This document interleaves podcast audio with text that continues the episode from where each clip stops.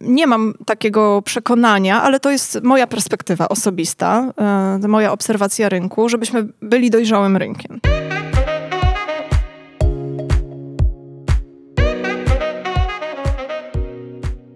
Zapraszam na najnowszy odcinek podcastu Nowoczesny Lider. Dzień dobry, witam Was serdecznie w podcaście Nowoczesny Lider i dzisiaj y, Waszym i moim gościem jest Anna Zaroda-Dąbrowska, CEO Fundacji Diversity Hub. Cześć Dzień Aniu. dobry, cześć, witam wszystkich. No dzisiaj mamy przyjemność nagrywania twarzą w twarz, także to jest zupełnie fajniejsza rozmowa e, w 3D. No i jakość nagrania mam nadzieję będzie poza tym, że merytorycznie wspaniała, to też pewnie milsza do słuchania. Tak, e... my się sami tu rozkoszujemy z swoim towarzystwem, patrząc na siebie i na widoki. Także to prawda. Tym, tym mi bardziej przyjemnie. Tym bardziej przyjemnie.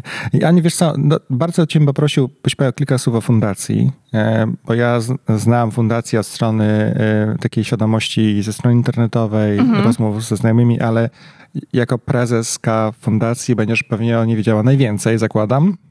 Pewnie dobre założenie. Myślę, że tak. Dokładnie. To może powiedz, czym się zajmujesz? E, skąd w ogóle pomysł? Bo to nie jest, e, tak mi się wydaje, że nie, czy nie jest to jedyny tego typu hub w Polsce? Czy ja się mylę? Yy, powiedziałabym bez jakiegoś kompleksu, że tak. Albo może inaczej to ujmę, że jako Diversity Hub jesteśmy może taką jedyną organizacją, która kompleksowo w ogóle obejmuje temat różnorodności i w biznesie w dodatku. I ja się wywodzę ze środowiska biznesu, ale dokładnie tak z obszarów HR-owych. I, i tak, takie, mm, takie tematy, w takie jakby obszary sięgają moje korzenie. Mm, I w którymś momencie, gdzieś na etapie moich lat 30., 35., nie, może około 30., tak, zaczęłam się tak głębiej zastanawiać, w ogóle jaki to ma sens. Dużo robiliśmy projektów, gdzieś tam coraz mniej mi się to przekładało e, na, mm, e, na w ogóle funkcjonowanie tego biznesu, tak, do którego dostarczaliśmy te usługi szkoleniowe w, w obszarze kompetencji miękkich. I mieliśmy coraz więcej takich gdzieś wątpliwości, e, plus no, kryzys takiego dojrzewania tak, w swojej karierze zawodowej, szukania wartości, zadawania sobie pytań, po co ja to w ogóle robię, jaką zmianę tak, moja praca niesie. No i to nas właśnie popchnęło um, do tych obszarów związanych z diversity and inclusion. To chyba przesadziłam, nie miałam może 30 lat, młodsza byłam wtedy, bo to były e, lata, kiedy tutaj się do nas sprowadzały do Krakowa, bo jesteśmy z Krakowa, prawda? Dzisiaj do Państwa mówimy z Krakowa i tu się spotkaliśmy i rzeczywiście to jest też nasza e, siedziba naszej fundacji. E, zaczęły się tu lokować wielkie korporacje. No i one miały taki swój okres e, takiego osadzania się tutaj na rynku, wiele różnych problemów związanych z tym. I później w którymś momencie zaczęły dojrzewać do tego, że warto może inwestować e, w obszary inne niż takie typowo operacyjne, biznesowe.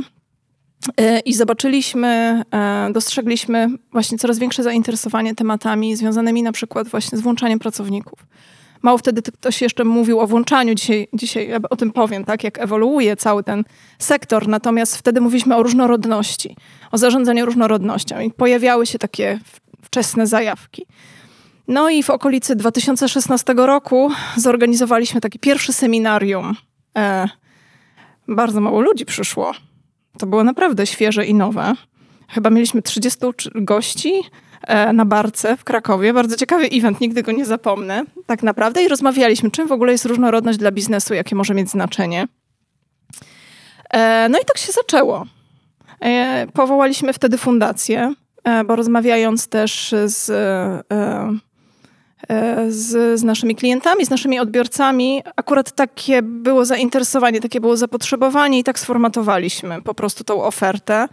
E, szczególnie, że mm, no, działamy na obszarze takich dwóch pól, tak? bo jedne, z jednej strony orientujemy te nasze działania na biznes, i to jest naszą główną misją, żeby wspierać biznes w takim umiejętnym tworzeniu otwartej, dobrej um, kultury e, organizacji, kultury włączającej, ale też uczyć, jak z tego my możemy czerpać korzyści biznesowe. Tak? Czyli nie robić tego dla samej idei, ale rzeczywiście być partnerem e, dla firm, w uzyskiwaniu tego, tego benefitu z różnorodności, czyli korzystania z tego, z tego potencjału, jaki niesie różnorodność naszych pracowników, ale też otoczenia i tak dalej. Mm. No i tak tak to się zaczęło. Więc jakby ten styk biznesowy był dla nas bardzo ważny, no ale z drugiej strony mamy jednak takie głębokie przekonanie o tym, żeby robić zmianę społeczną. No i robimy tą zmianę społeczną. Y, I wpisuje się nam to y, bardzo w naszą misję, no bo jak sobie wyobrazimy, ile czasu my spędzamy w pracy, to, to możemy łatwo przełożyć to sobie na to, jak to środowisko, w którym funkcjonujemy przez te 8, 9, czasami 10 godzin albo dłużej, zależy, kto pracuje. Ciekawa jestem, ile Sebastian pracujesz dziennie, bo ja dłużej na pewno niż 8. Jak to bardzo na nas wpływa, prawda? Jak nas kształtuje i ile my z tego wynosimy też na zewnątrz. Więc jak wtedy też, jaką mamy możliwość rzeczywiście wpływania na osoby, z którymi żyjemy, współpracujemy, spotykamy się gdzieś, no i zmieniamy świat w ten sposób. Tak mówiąc bardzo oględnie. Miało być skrótowe wprowadzenie. Nie, to jest ważny w ogóle kontekst. Wiesz, tak mi się wydaje i też no, no duma z tego, że w Krakowie to powstało i to, wydawałoby się, że Warszawa bardzo kosmopolityczne miejsce. Myślę, że takiego chyba tam jeszcze huba, ale pomysłu nie ma, tak mi się wydaje jeszcze. E, jest, e, no, funkcjonuje od bardzo dawna mhm. forma odpowiedzialnego biznesu, które wcześniej niż my hmm. nawet zaczęło zajmować się różnorodnością. Tak? Mhm. Są operatorem karty różnorodności, tego międzynarodowego projektu.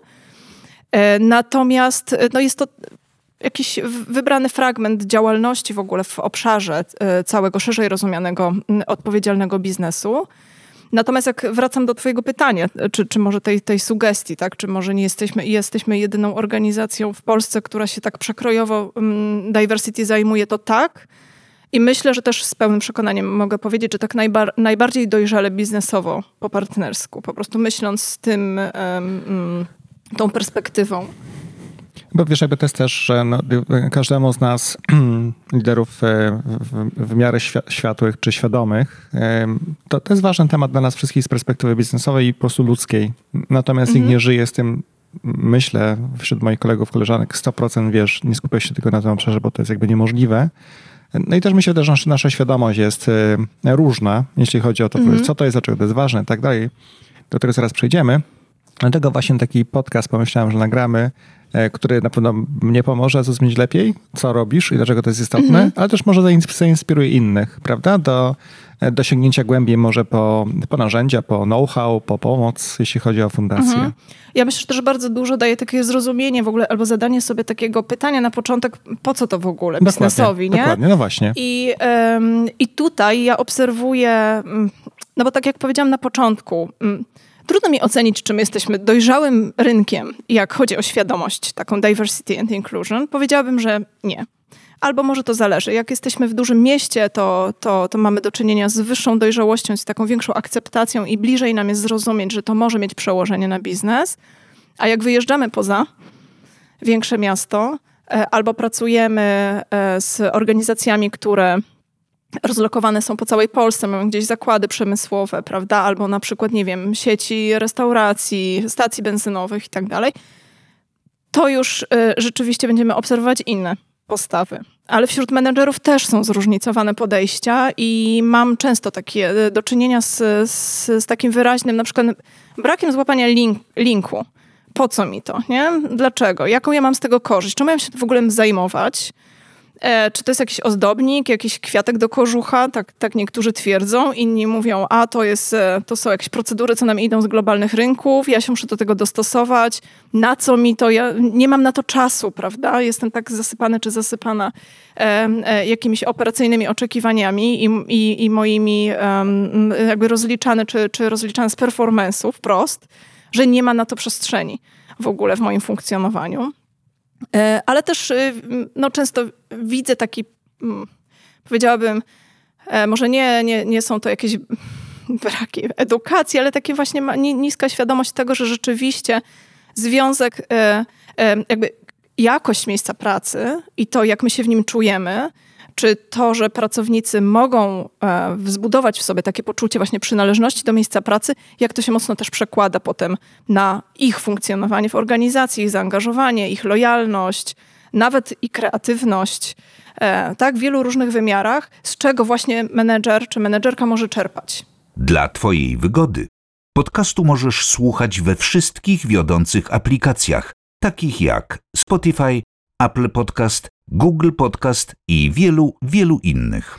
A powiedz mi może jeszcze ten taki element biznesowy, pewnie macie tego typu opracowania, jeśli nie, to, to, to przepraszam, które pokazują, że firmy, które nie podniosły swój poziom inkluzywności czy właśnie różnorodności o X, mają wyniki finansowe lepiej o Y? Masz takie może miary? Takie Z Polski nie, ale mhm. y, pa, państwo macie, słuchacze nasi, wy E, e, jest, macie, macie łatwy dostęp do wielu naprawdę źródeł, bo publikują takie raporty na poziomie globalnym i Deloitte, i McKinsey, wiele różnych instytucji badawczych, z którymi na co dzień pracujemy, prawda, z, z których źródeł czerpiemy, e, czerpiemy dane, więc tam jest naprawdę mocno podane, wyłożony business case na wielu poziomach. Nie wiem, czy to jest temat, który teraz tu będziemy e, rozkładać na czynniki pierwsze, bo mogłabym godzinę, wiesz. Nie, wiesz, ja, ja, myślę, że po prostu podlinkujemy może taki raport e, na, na blogu, dobrze? Także... Jasne. Natomiast tak skrótowo, nie? Mhm. Żeby pokazać jakieś kilka wymiarów, bo czasami myślimy o tym, o różnorodności tylko w perspektywie różnorodności naszych pracowników. I jak zadajemy sobie pytanie, skąd się to w ogóle wzięło, czemu o tym myślimy, no to kiedyś mieliśmy jednorodne zespoły, reprezentujące jedną kulturę, czasami wymieszane płciowo, czasami mniej, w zależności od sektora. A dziś mamy różne kultury, mamy um, osoby, które otwarcie mówią o swojej orientacji, mamy osoby w różnym wieku. To też kiedyś nie było takie oczywiste. No i taki najbardziej podstawowy chyba wniosek, najbardziej błahy, ale najkrótszy link tak, do różnorodności, że zespoły się nam zmieniają. To rodzi oczywiście wiele wyzwań. Więc jakby, żeby zabezpieczyć ten, ten obszar, to tak różnorodność intuicyjnie jest rozumiana, ok, dobra, to tam będą te benefity, bo muszę się nauczyć zarządzać tymi ludźmi, um, muszę się nauczyć wyciągać właśnie ten potencjał z tej różnorodności, I tam dane pokazują nam, że i na poziomie właśnie budowania lojalności, budowania satysfakcji, e, budowania takiego sense of belonging, e, poczucia przynależności i będziemy właśnie osiągać pozytywne rezultaty potem finalnie gdzieś tam na tym performance liczone. Wszystko przełożymy na pieniądze.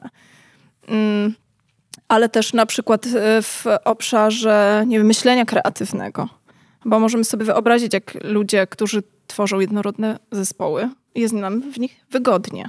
Bardzo dobrze się w takich zespołach pracuje, no bo wszyscy podzielają zdanie, szczególnie szefa, który przychodzi, stawia pomysł, wszyscy biją brawo, przyklaskują. Nie ma kontrowersyjnych zdań, wszystko jest szybko, łatwo i leci. Mm, no ale też nie o to chodzi w biznesie, prawda? Tylko chodzi o to, że z kolei z drugiej strony, ze strony biznesu i oczekiwań płynie e, potrzeba innowacyjnych rozwiązań, wychodzenia z tych schematów, jakichś dostarczania rozwiązań out of the box. No i teraz musimy mieć różne backgroundy przy stole, e, czy różne perspektywy, tak? Tą podaż różnych perspektyw, skąd się ją musimy wziąć. Nie weźmiemy jej, jej z jednorodnego zespołu, gdzie wszyscy skończyli jedne studia. Miałam taki case miałam taki case naprawdę, e, gdzie się zastanawialiśmy, dlaczego wszyscy w, jednym zespole są z jednej firmy. Też to po sąsiedzku z Krakowa.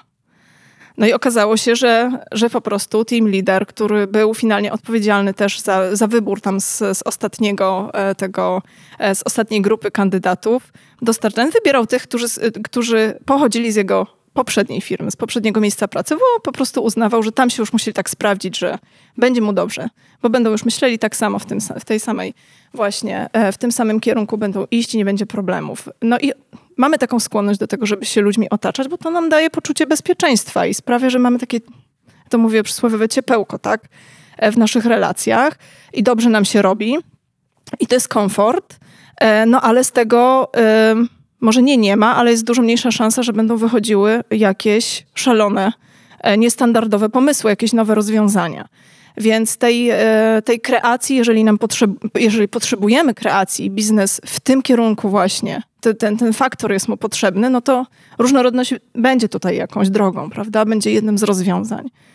To, to, to jest kolejny jakby poziom takich korzyści. No ale dalej możemy wyjść e, na korzyści wizerunkowe jak mnie później spytasz, może spytasz, może ci będziecie, y, co, jak, co drive'uje firmy, to jest dużo takich firm, które robią to dla korzyści po prostu wizerunkowych, bo kandydaci tego oczekują, też mamy badania, że młodsze generacje chcą pracować w miejscach pracy, które e, oferują wsparcie właśnie dla procesów diversity and inclusion, e, że ich to interesuje, jest to kryterium wyboru.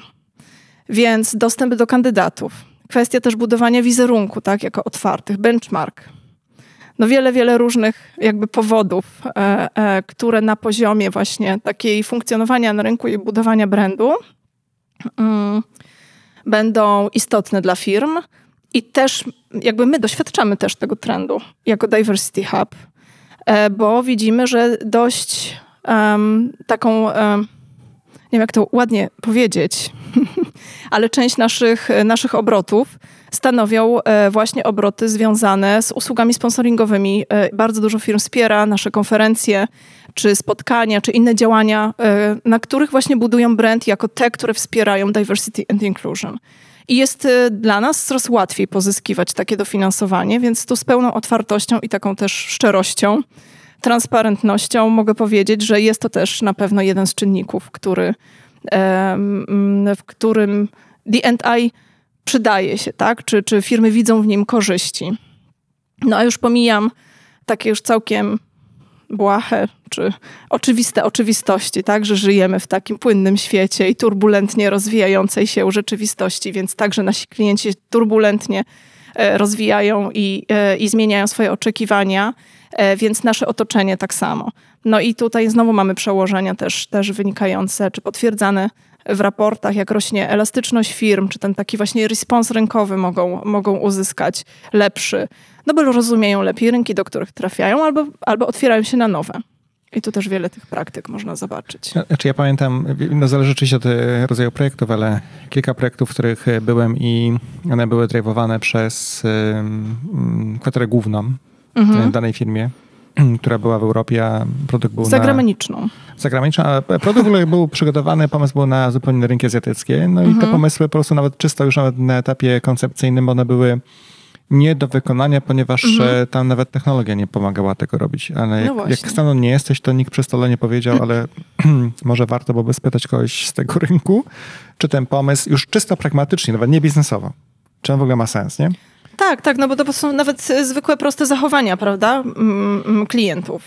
Zupełnie inne. Tam mm. modele, inne legislacja, pamiętam, to była w Europie, była E, taka, która mówiła, że możesz robić czegoś 5 razy dziennie, a tam 30 razy dziennie to był standard i w ogóle mhm. jakość była, nie, w ogóle inna historia. Chodzi bardziej o to, że gdyby ktoś wpadł na pomysł zaproszenia e, sformułowania bardziej różnorodnego zespołu, w tym osób, które jakby operują w danym rynku, to by firma nie wydała niepotrzebnie 3 miliony funtów na coś, co później okazało się być e, nieużyteczne. no więc różnorodność, już tak podsumowując pięknie, teraz takim frazesem ładnym, E, pojedziemy, e, właśnie pozwala nam uzyskać tą mnogość perspektyw i to, e, w jaki sposób może myśleć druga strona. Czyli jesteśmy w stanie zawrzeć też, może nie kompromis, ale, ale mamy dostęp właśnie do jakichś możliwych rozwiązań, które będą aplikowalne gdzieś na innych gruntach i w ten sposób się wyzbyć tego naszego, tak, takiej wąskiej perspektywy naszego myślenia, no bo jesteśmy do niej przyzwyczajeni, zaszyci, mamy głębokie przekonanie, że tylko my mamy rację i produkujemy rozwiązania, które nam odpowiadają. E, więc to też jest taki wymiar, gdzie różnorodność no, bezwzględnie się przydaje. Tak? Musimy, musimy ją wziąć po prostu pod uwagę, planując wejście na nowe rynki, no, cokolwiek. W ogóle wydaje mi się, że to jest kluczowe z perspektywy dzisiejszego biznesu w ogóle dla każdego. To właśnie chciałem powiedzieć, że jakby wi wiadomo, że firmy są stworzone po to, żeby zarabiać pieniądze, no Jasne. no chyba, że są stworzone po coś innego, ale no, to jest pewnie 99% firm chce zarabiać pieniądze, żeby być bardziej bogatymi. To jest zupełnie normalna sprawa i po to się je tworzy, tak. to są miejsca pracy. Oczywiście kwestia tego, co powiedziałeś później, środowiska pracy, sukcesów danej firmy, które powoduje, że i ludzie mają lepsze sukcesy, no bo mhm. większe dochody firm w danym roku powinny oznaczać też lepsze mm, bonusy i inne benefity dla, dla ludzi, którzy nie pracują, bo jest z czego rozdać. Jeśli firma jest e, zarządzana sprawnie, no to wie, że częścią bogactwa powinna się podzielić mhm. tak naprawdę, nie? No dobrze, no to ja pozwól, że przejdziemy dalej. E, trochę o benefitach było. Zobaczymy jeszcze te raporty mm -hmm. przy okazji, jak podejść, jeszcze podlinkujemy Dobra. oczywiście na blogu. E, ja też chciałem spytać cię e, troszkę o to, jakie są największe bariery wdrażania tego typu programów, czy podejścia, czy kultury, no nawet powiedziałbym kultury w organizacjach i gdzie firma, firma może potknąć się najszybciej i najszybciej może cały program położyć. Zajrzyj koniecznie na blog nowoczesnylider.pl, gdzie znajdują się dodatkowe materiały dotyczące tego podcastu. No, wrócę do tego, że właśnie jeżeli mówimy o perspektywie polskiej, bo no, zakładam, skoro, skoro mówimy tu między sobą po polsku, to, to podcast też trafia do polskojęzycznych słuchaczy. E, tak jak powiedziałam wcześniej, nie mam takiego przekonania, ale to jest moja perspektywa osobista, e, moja obserwacja rynku, żebyśmy byli dojrzałym rynkiem. Do tego no, jesteśmy w takiej sytuacji polityczno-społecznej, w jakiej jesteśmy. E, I wydarzenia sceny politycznej, to co się dzieje, czy, czy wydarzenia społeczne, ale też przekazy medialne, tak, cała komunikacja gdzieś, informacje, które do nas docierają, też będą na nas bardzo mocno wpływać i sprawiają, że temat D&I staje się takim trochę tematem, który bardzo łatwo może dzielić. Ale to na chwileczkę odłożę na bok, bo nad tym bym się chciała trochę może bardziej skupić później. Natomiast jak pytasz o takie bezpośrednie granice, to chciałabym zacząć od sedna. E, I, I, myślę, że na to czekają menedżerowie i menedżerki. Właśnie chcą to usłyszeć, tą perspektywę DI. Możemy się skupić na idei, zmiany świata, ale nie po to są tworzone biznesy, to już wiemy. I to jest oczywiste, tak? Mówimy o perspektywie biznesu. Teraz e, w związku z tym, że z, e, jesteśmy w stanie przełożyć korzyści, właśnie ten, ten potencjał różnorodnościowy, bo kiedyś mówiliśmy o różnicach jako o deficycie, a dzisiaj możemy mówić o potencjale, tak? Coraz więcej właśnie w tym kierunku. Mm, tak, tak idzie ta dyskusja to musimy się skupić, jak my chcemy ten potencjał w biznesie wykorzystać. Czyli jakie są nasze cele biznesowe, jaka jest nasza strategia. Najpierw te pytania, tak? Do czego zmierza firma i po co mi jest ta różnorodność? W którym wymiarze mi to pomoże? Bo być może e, nie potrzebuję zasilać na siłę e, tak bardzo różnorodnie z, e, swoich zespołów i wychodzić jakby poza realne możliwości, do jakich mam dostęp. Tu mamy mnóstwo zarzutów i do parytetów, czy tam na przykład do do jakichś e, kulturowych e, tak, mm, statystyk, że za mało, że za mało tej różnorodności. No ale skąd my ją mamy tu w Polsce wziąć, skoro od wielu, wielu lat jesteśmy jednorodni? To się bardzo powoli zmienia. Więc raz takie przełożenie po prostu na realność, ale drugie myślenie nie tylko w tych perspektywach takich oczywistych wymiarów różnorodności, które są na pierwszy rzut oka dostrzegalne i bardzo łatwo skanalizować właśnie swoje myślenie na temat D&I o tym, czyli wiek, płeć, e, z, e, z, nasz stan zdrowotny, tak, czyli sprawności, niesprawności, e, orientacja seksualna, która tyle kontrowersji budzi w ogóle w miejscu pracy, czy właśnie kwestie związane z różnicami międzykulturowymi. To jest takie trochę dziś już wsteczne myślenie. E, o różnorodności mówimy w wymiarze bardzo indywidualnym. Czyli jak ja pracuję z zespołami, to, e, to pytam ludzi, z czym ty wchodzisz do pracy, tak? Co cię identyfikuje? Co jest dla ciebie ważne? Można na pięciu palcach jednej dłoni wyliczyć sobie te moje najważniejsze wartości albo cechy, które mnie identyfikują jako człowieka. Stanowią o mnie, nie? Kim ja jestem? No kim ty jesteś, Sebastian? W pięciu palcach. Ja? Kim no, jestem? No kim jest? Jakbyś miał odpowiedzieć na e, ciekawym świata. No. e, człowiekiem, mhm. który stara się być lepszy. Może to było więcej niż pięć. A, no to nie, to dwa są na razie u mnie. Dobra, no ale po, ja na przykład bym powiedziała o sobie tak, że jestem kobietą, to jest dla mnie ważne, okay. tak? Jestem matką, mhm. Polką jestem. Inny ktoś powie, że wierzy w Boga. Mam bardzo dużo takich mhm. przypadków na zajęciach. I fajnie, no bo to jest ważne. I teraz, czy my to zostawiamy przed drzwiami, wchodząc do pracy? Nie, my dalej jesteśmy tymi samymi ludźmi. I teraz na tych poziomach już jak głęboko się różnimy, a to są nasze wartości, które one stanowią, a więc one będą mocno wpływały na to, jakie my mamy oczekiwania wobec miejsca pracy. I niekoniecznie musimy mieć inny kolor skóry, albo inną orientację, albo na przykład, nie wiem, być tam ze Śląska, prawda? To nie musi być aż tak jaskrawe, wyraźne, tak bardzo inne na pierwszy rzut oka, żebyśmy powiedzieli, że jesteśmy różnorodni i że mamy jakieś określone potrzeby i chcemy, żeby te, żeby, żebyśmy mogli być tą sobą w miejscu pracy, nie ukrywać tego. Więc jakby z tej perspektywy należy spojrzeć na różnorodność. To, to jest jedna rzecz, że ona dotyczy nas wszystkich i ona gdzieś jest. Niezaspokojenie tego w człowieku e, jakby pozbawia go też takiego poczucia bezpieczeństwa. I tu znowu cała by była ścieżka taka, tak, jak, która prowadzi do wykluczenia. Przestaje się czuć dobrze w takim środowisku, więc spada mi właśnie performance i tak dalej. Ale tu już rozmawialiśmy o tym, nie wracamy. Druga rzecz, e, e, która jest bardzo istotna w tym rozstrzygnięciu, gdzie te porażki się mogą znaleźć, a więc jedną bym podsumowała, że to jest takie sprowadzanie właśnie D&I do tematów tęczowych czy, czy genderowych, najczęściej. Tu no, mówię z własnego doświadczenia, z tego, co widzimy, więc to też nie chciałabym, żeby, było brane przez odpowiedni filtr, tak, że to jest to, co my słyszymy i co widzimy. Co zamiast budować mosty, to dzieli, bo wywołuje skrajne emocje. I na starcie przegrywamy. Bo zamiast mówić o tym, co nas łączy i że jesteśmy razem, że właśnie każdy z nas jest wyjątkowy i czegoś innego może oczekiwać i przede wszystkim ma prawo, tak? Ma prawo przyjść z tym Bogiem do pracy. E, I, i chcę, chcę też mieć tego Boga jakby w pracy, tak? W swojej, w swojej własnej perspektywie. Nie chcę, nie chcę o nim zapomnieć, czy się go wyrzec, bo to będzie bardzo ważne e, e, właśnie od strony wartości. To to jest jeden, jeden czynnik. A drugi właśnie to takie podejście biznesowe, tak? Że to do czegoś służy. I jeżeli my nie znajdziemy linku do tego, nie znajdziemy sposobu, jak my ulokujemy ten D&I w naszej organizacji, do czego nam jest to konkretnie potrzebne, my nie wytłumaczymy ludziom, dlaczego się tym zajmujemy. Oni po prostu nie chycą tego. I nie chycą tego nasi menedżerowie. E, a oni są naj, takim jednym z ważniejszych przekaźników i też, jak pokazują badania, jedną z największych barier we, we budowaniu w ogóle kultury e, organizacji otwartej, inkluzywnej. E, bo firma chce, tak sobie taką bardzo zwykłą, przeciętną ścieżkę możemy wyobrazić. To jest bardzo popularny schemat. Idzie nam jakaś polityka globalna, D&I, trafia do Polski.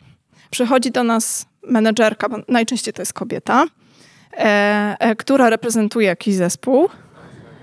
Albo z HR-ów, zależy do kogo to wpadnie, bo, bo mogą jeszcze nie mieć nikogo od D&I, więc do HR-ów.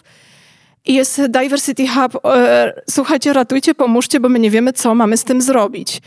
E, I tak, kazali nam coś, albo mamy takie oczekiwania, prawda, tak trochę lżej, bo czasami niektórym kazali, a niektórzy mają oczekiwania, albo mówią, e, tak, tak, my świadomie zaczynamy naszą przygodę z D&I jeszcze ładniej, tylko że widać, że nie jesteśmy przygotowani. Bo teraz, okej, okay, dobra, ale co wy z tym chcecie zrobić? No nie wiem. Czyli, no czytaj, mamy to zrobić, tak? Dwa, jakie macie zasoby? Jak, jak ludzie są przygotowani? Czy organizacja jest przygotowana i jak my im to wytłumaczymy, nie? E, takim przykładem właśnie takich dla mnie chybionych e, pomysłów, takich właśnie związanych z implementacją tych globalnych takich aspektów D&I, albo może też perspektywy, tak, widzenia świata i naszych lokalnych struktur z perspektywy tej globalnej centrali. Był była cała seria wydarzeń czy eventów, które szły do nas tutaj do Polski ze Stanów Zjednoczonych e, po Black Lives Matter. Znam takie przypadki, e, szczególnie to menedżerowie od D&I, którzy mówią, że to było super, ale w badaniach naszych, które prowadzimy, bo, bo mamy też w naszej ofercie takie audyty D&I, gdzie właśnie badamy gotowość organizacji do wdrożenia procesów, słyszymy z kolei od ludzi w wywiadach, ja w ogóle nie widzę związku my nie mamy problemów rasowych w Polsce, albo, albo może ludzie ich bezpośrednio też tak nie doświadczają, prawda? Więc używają takich kategorii. Po co my się tym zajmujemy? Czemu ja mam tracić półtora godziny na webinar o rasizmie? To w ogóle nie dotyczy. Weź mi tu wytłumacz, jak to się przekłada na moją pracę. No więc to, to właśnie są takie wyzwania. Jak teraz zaaplikować tą, tą globalną E, e, politykę, te oczekiwania na lokalny rynek. I to jest największa trudność, bo e, z jednej strony właśnie wracam do tego, co mówiłam na początku. My musimy znaleźć taki personal link, to jest jedno. Drugie, link z biznesem, z tym, co ja tu robię i dlaczego. I teraz jak to mamy, no to pracować w perspektywie całej organizacji. I tutaj na tym poziomie też jest dużo pułapek, bo jeżeli firma widzi sens, i świadomie naprawdę inwestuje w DI i chce z tego coś czerpać, no to musi też e, jakby zainwestować nie tylko w robienie webinarów eventów i celebracji D&I, ale trzeba też trochę popracować w strukturach i na przykład popracować nad menedżerami, tak? Przyjrzeć się temu, z czego są rozliczani i, i czy w tym performensie, tak, we wskaźnikach, e, e, kryteriach oceny e, menedżerów, menedżerek są wskaźniki dotyczące D&I. Jak oni tego nie będą mieć, ale najczęściej nie mają, bardzo rzadko się to zdarza, żeby mieli, no to niestety powstaje nam takie zjawisko, my to nazywamy frozen middle, czyli ten taki zamrożony środek. I utyka nam wszystko, utykają nam inicjatywy oddolne, mm, bo, fi bo firmy dają możliwość e, takiego, e, nie wiem, funkcjonowania, tak, w postaci na przykład networków, nawet y, wiele firm daje budżet, także jakby tworzą środowisko do, do kreowania takich inicjatyw oddolnych, e, ale z drugiej strony to nie idzie do góry. I na odwrót. Mamy e, gdzieś decyzje, dobra, mamy zgodę e, osób decyzyjnych, top managementu, tak kaskadujemy to w dół, ale gdzieś na poziomie właśnie line managementu, middle, tam są już tylko operacje i mało kogo będzie interesował D&I performance po prostu. Czyli ja ciągle słyszę y, od menedżerów, dobra, ale ja jestem rozliczana z what, a nie z how, nie?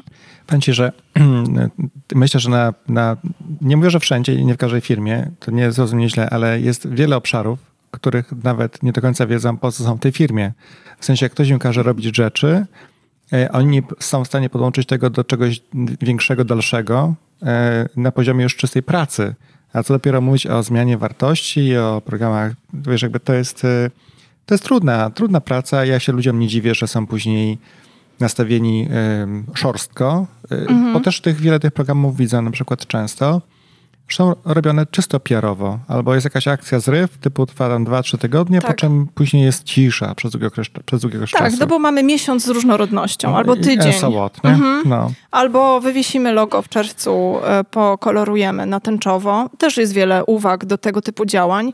E, no okej, okay, no nie, nie, nie wieszamy go przez cały rok, więc akurat czerwiec jest miesiącem Pride'u, to wtedy. No ale, ale też z kolei odbiorcy każdy ma prawo do swojej perspektywy. I my, jako nadawca komunikatu, też jesteśmy odpowiedzialni za tą perspektywę, prawda?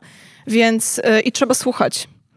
Yy, no i po drugiej stronie może być taki odbiór, dobra, 30 czerwca jeszcze była tęcza, a już 1 lipca nie ma. No to sorry, zapomnieliśmy, to, to, to są działania takie mm, fasadowe albo właśnie jakiś marketing, PR, żeby trochę szumu wywołać i, i zrobić jakieś, yy, jakieś święto. Też to się bardzo często zdarza.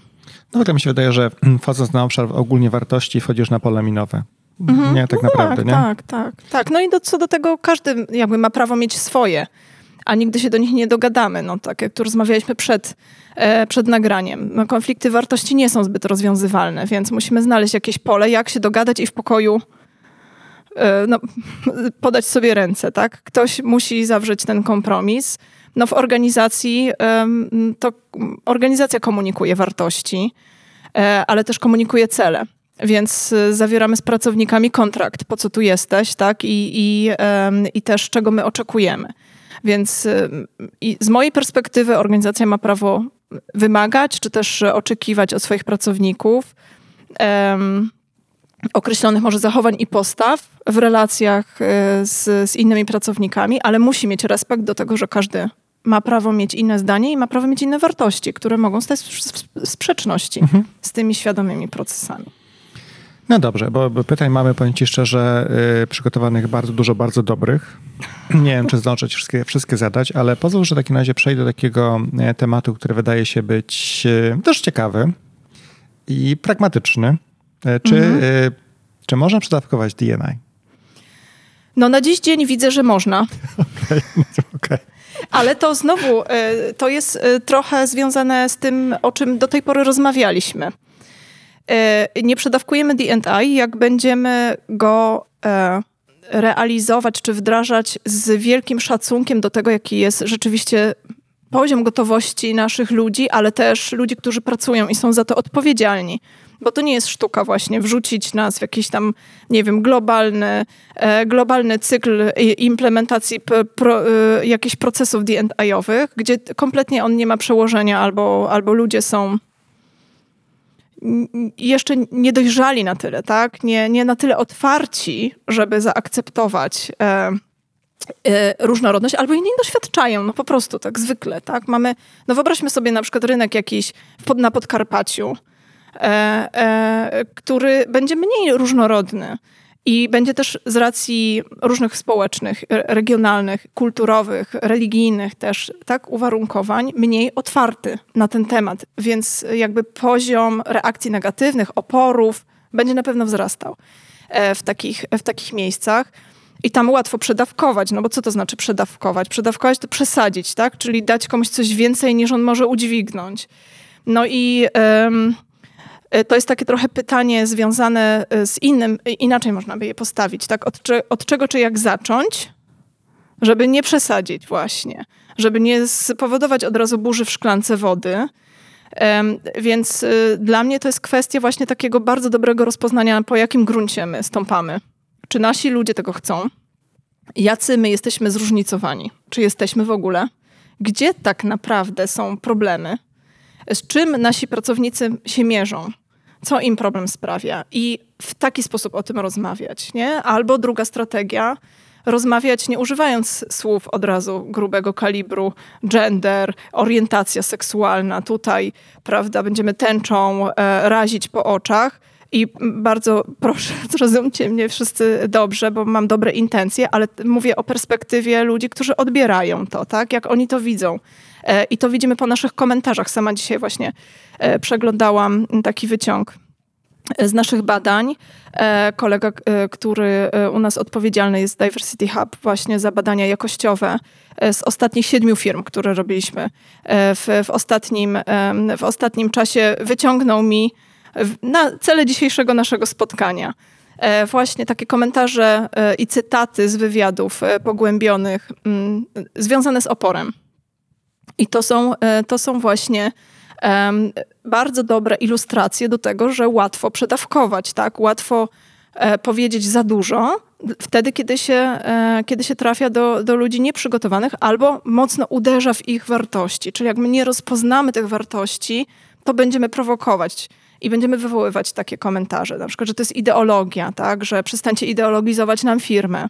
Mamy takie dziś to, dziś to rano do mnie właśnie dotarło, aż też otwierałam oczy, bo nawet e, nie spodziewałam się, e, bo widzę z, z, z miesiąca na miesiąc coraz silniejsze takie wyostrzenie e, ty, tych reakcji negatywnych. I to nie są pojedyncze głosy, to są głosy na poziomie 10-20%. W wywiadach, gdzie jeszcze ludzie face to face rozmawiają, a więc potencjalnie zakładalibyśmy, że mogliby się tam gdzieś krygować, prawda? Ale jednak pozwalają sobie na upust tych, mm, e, tych emocji e, i na takie otwarte komentarze, że, że tego nie chcą, że to jest przesada, albo e, powinniśmy też się zastanowić i, i może pomierzyć czy zbadać, jak nasi pracownicy podchodzą do tego miejsca pracy, czego oni oczekują. E, bo dużo w tych komentarzach się nam pojawia, to jest moje miejsce pracy, tak? To nie jest miejsce, żebym ja tutaj roztrząsał, czy, czy mam uprzedzenia, czy nie. Ja tu przychodzę pracować.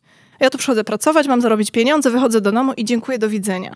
Też będziemy mieć w każdej firmie gro ludzi na pewno, którzy w taki sposób traktują e, swoje środowisko. I oni mogą nawet nie budować swoich oczekiwań wobec tego, że mi tu ma być dobrze, że ja tutaj chcę być wśród przyjaciół, tak, albo że chcę mieć jakieś e, autentyczne i dobre e, środowisko do wzrostu. To są nasze wyobrażenia znowu. Znaczy wiesz, no też świat teraz, mówię, nie, nie, wszędzie oczywiście, ale w wielu firmach tych, e, które mogą sobie na to pozwolić, zmienił się na tyle, że pracujesz zdalnie, więc twoja przynależność do grupy jest już teraz bardzo limitowana, chyba, że bardzo chcesz, czy, czy po że chcesz. Przynależność nam spada, też, też to pokazują badania, przez to, że jesteśmy, e, to już z angielskiego, disconnected, nie? Nie mamy tego związku, nawet sam dziś mówiłeś o tym, jak fajnie się spotkać w 3D i, i że nawet e, introwertyczni pracownicy to, to doceniają. E, więc ta przynależność nam spada, ale z kolei możliwość właśnie konfrontacji z tymi moimi wartościami, tak? albo wychodzenia z tej sfery mojego komfortu, no bo różnorodność powoduje dyskomfort e, i wiele trudności, bo musimy zawierać kompromisy to, to w pracy zdalnej mam tego mniej, czyli czuję się lepiej. Jeszcze do tego jestem w otoczeniu swojego bezpiecznego domu. Nie zawsze dla wszystkich to jest komfort, też powiedzmy szczerze. E, no ale w ogóle powiem, że COVID dużo zmienił w D&I. Nawet pojawił się nam nowy wymiar, taki, którego wcześniej nie było na mapach wymiarów różnorodności. a wyszedł, y, no nie powiem, że na czoło, ale bardzo wysoko, znikąd, czyli to, czy mogę pracować zdalnie, czy nie. Bo korporacje, które oferują pracę biurową, wysłały ludzi do domu, i w zasadzie do tej pory niektóre nie mają wyboru, bo nie wracają, nie? Albo te wybory są ograniczone. No ale w wielu firmach nie było takich możliwości. Są taśmy produkcyjne, są okienka z klientami. No i tutaj się zaczęły schody, tak? Czemu inni mogą zostać w domu, a ja nie? A tutaj są dzieci. Też wśród tych, którzy pracowali z domu, to nie, nie zawsze zdania były, e, były mm, zgodne, prawda? To, temat rzeka, ale to, to prawda. No. Y, właśnie mieliśmy tę dyskusję wcześniej w kuchni jeszcze przy kawie, prawda, że, że część osób bardzo hejtuje tego typu firmy, które sobie na to mogą pozwolić i tak dalej. Nie wiem, czy to osoby, czy to automaty i tak dalej. Natomiast e, trzeba uważać, bo faktycznie jest e, jakiś wybrany sektor, który przełączył się na taką bardziej bezpieczną, elastyczną pracę. Nie każdy może, albo nie każdy chce móc. Natomiast nie będę ukrywał, nie, nie mamy badań jeszcze, ale w dyskusjach z moimi znajomymi, kolegami, koleżankami w różnych firmach, innowacja w tym świecie zdalnym bardzo mocno cierpi i, mm -hmm. i firmy pewnie prędzej czy później podejmą decyzję powrotu Powrotów, do biur. No bo jakby, no, nie, mm -hmm. nie mówię, że na stałe czy coś tam, ale żeby to przynajmniej ten część, te iskry takiej, wiesz, innowacji e, rodziła się jednak w pracy wspólnej. W burzach I... mózgów e, face to face. Tak, znaczy teoretycznie nadal można być to online nowo. Ludzie robią to online nowo, ale jakie jest zaangażowanie? Nie wiem. Mhm. Powiem ci szczerze. No, y, nawet na poziomie takim psychologicznym e, e, COVID dużo zmienił. Właśnie stąd to, to takie poczucie tego disconnection, bo zobaczcie, ile my tracimy na, na online'owym kontakcie, ile z tych relacji jak też e, w tych relacjach nasz mózg pracuje, tak? Ile potrzebuję mieć informacji o drugim człowieku, którego widzę, który przede mną jest fizycznie, a pozbawia mnie tego, ten online'owy kontakt. I jeszcze do tego często zgadzamy się na takie rozproszenie, tak? Albo udajemy, że jesteśmy na tym spotkaniu, a tak naprawdę piszemy maile. Więc y, z tej perspektywy też, też ta, ta może efektywność pracy nam spada, ten fokus nam się na pewno gdzieś tam rozmywa. Na A2 wyłączamy kamerki, bo nam tak wygodnie, bo mamy pretekst, nie chcemy pokazywać prywatnych mieszkań. Każdy ma tam inny jakiś powód. Lepiej wyłączyć, bo nie będzie widać, jak dłubie w nosie czy coś. Wtedy nasz mózg traci perspektywę e, e, bardzo, bardzo, bardzo dużą, jak chodzi właśnie o, o, o budowanie, e, budowanie relacji i współpracę. Więc e, no, to są takie aspekty, których nie wiem, czy się da uniknąć. Na pewno się da, tak, w takim sensie, że no, możemy dbać, mieć mechanizmy, jakieś narzędzia, że okej, okay, włączamy, jesteśmy ze sobą, pilnujemy się, ale to, to nigdy już nie będzie to samo dalej. No, tak myślę też, jakby natura stworzyła nas dawno, dawno temu, ewoluujemy w tej takiej nowoczesnej e, cyfrowej wiesz, gospodarce i świecie od niedawna zupełnie. Tak. Jakoś tak się chyba nie zmienimy w ciągu 10 czy 20 lat, tak myślę, tak czysto biologicznie. Ja patrząc. myślę, że to, to będzie nam tysiące lat za, zabierało. No, dzisiaj akurat miałam szkolenie dotyczące właśnie nastawień podświadomych i automatyzmów, e, które kierują nami w, w relacjach. Tak? Kim się otaczamy, kogo unikamy, jak się rodzą też uprzedzenia, jak kategoryzujemy ludzi i budujemy sobie stereotypy. To są mechanizmy, które są związane z naszym bezpieczeństwem. Takim biologicznym, ewolucyjnym, tak? czyli dążeniem e, naszego gatunku do przetrwania. Tak jesteśmy po prostu skonstruowani i nasze mózgi będą tak nas drive'owały, żeby nas właśnie w poczuciu bezpieczeństwa i tego potencjalnego, najbardziej optymalnych warunków do przetrwania ustawić. A ustawiają nas właśnie w, e, wtedy w takich relacjach, odróżniając potencjalnego wroga od potencjalnego przyjaciela, tak? Co jest dla nas dobre, co złe, co jest dla nas korzystne, co jest niekorzystne. Jednak z tej perspektywy biologicznej to jest silniejsze niż nasze świadome wybory. Więc nie, na pewno krótki odcinek rozwoju technologicznego na przestrzeni E, wieków czy tysięcy lat. E, e, no co to mamy od rewolucji przemysłowej, to mamy ile? 200 lat tak naprawdę, no, dobrze mówię. cyfrowej może 20, no, tak no powiedzmy, a teraz no. ostatnie dziesięciolecie, dziesięciolecie było takie bardziej mm. dynamiczne, bo weszły po prostu nowe możliwości techniczne tak naprawdę. No, no dobrze, pozwól, że takie ostatnie pytanie i do brzegu. Szkoda. Ja wiem, ja również, ale też dbam trochę o czas naszych Jasne. słuchaczy i twój również. I być może nie, nie znasz na nie odpowiedzi, aczkolwiek często pojawia się jakieś sformułowanie, w szczególności w tym, tych firmach, w których kapitał zagraniczny dominuje, że jednak taka mniejsza otwartość e, e, rynków może wpływać na decyzje inwestycyjne, jeśli mhm. chodzi o dany rynek. Ja powiem szczerze tego osobiście po firmach, które wiem, że mają te wartości mocno na, na sztandarach, aczkolwiek nie zatrzymały inwestycji w Polsce. Jakoś tego nie widzę, ale może masz inne, inną perspektywę. Y, mam kilka przypadków, mhm. więc nie wiem, czy to wniesie coś do perspektywy jako takiej szerokiej, ale mieliśmy już kilka um, głosów od firm e, zagranicznych, które bardzo mocno patrzą na to, co tu się dzieje i wracała do nas taka informacja zwrotna, tak, że to, są, e, że to jest niestabilny rynek, że e, ryzykowne decyzje możemy podejmować, ale Dużo też dotyczy w ogóle sytuacji politycznej, już nie tylko otwartości tak na D&I, natomiast, natomiast chodzi mi o, o nie, niestabilność prawa, czy tam jakieś różne ryzyka takie typowo biznesowe, E, natomiast jeżeli chodzi o D&I, naszą perspektywę, jest to też jeden z argumentów, on nie jest czołowy, Natomiast jest wliczany na listę ryzyk, e, no bo po prostu będzie e, powodował więcej trudności. Raz z jednorodnymi rynkami, tak, które nie nasycają firmy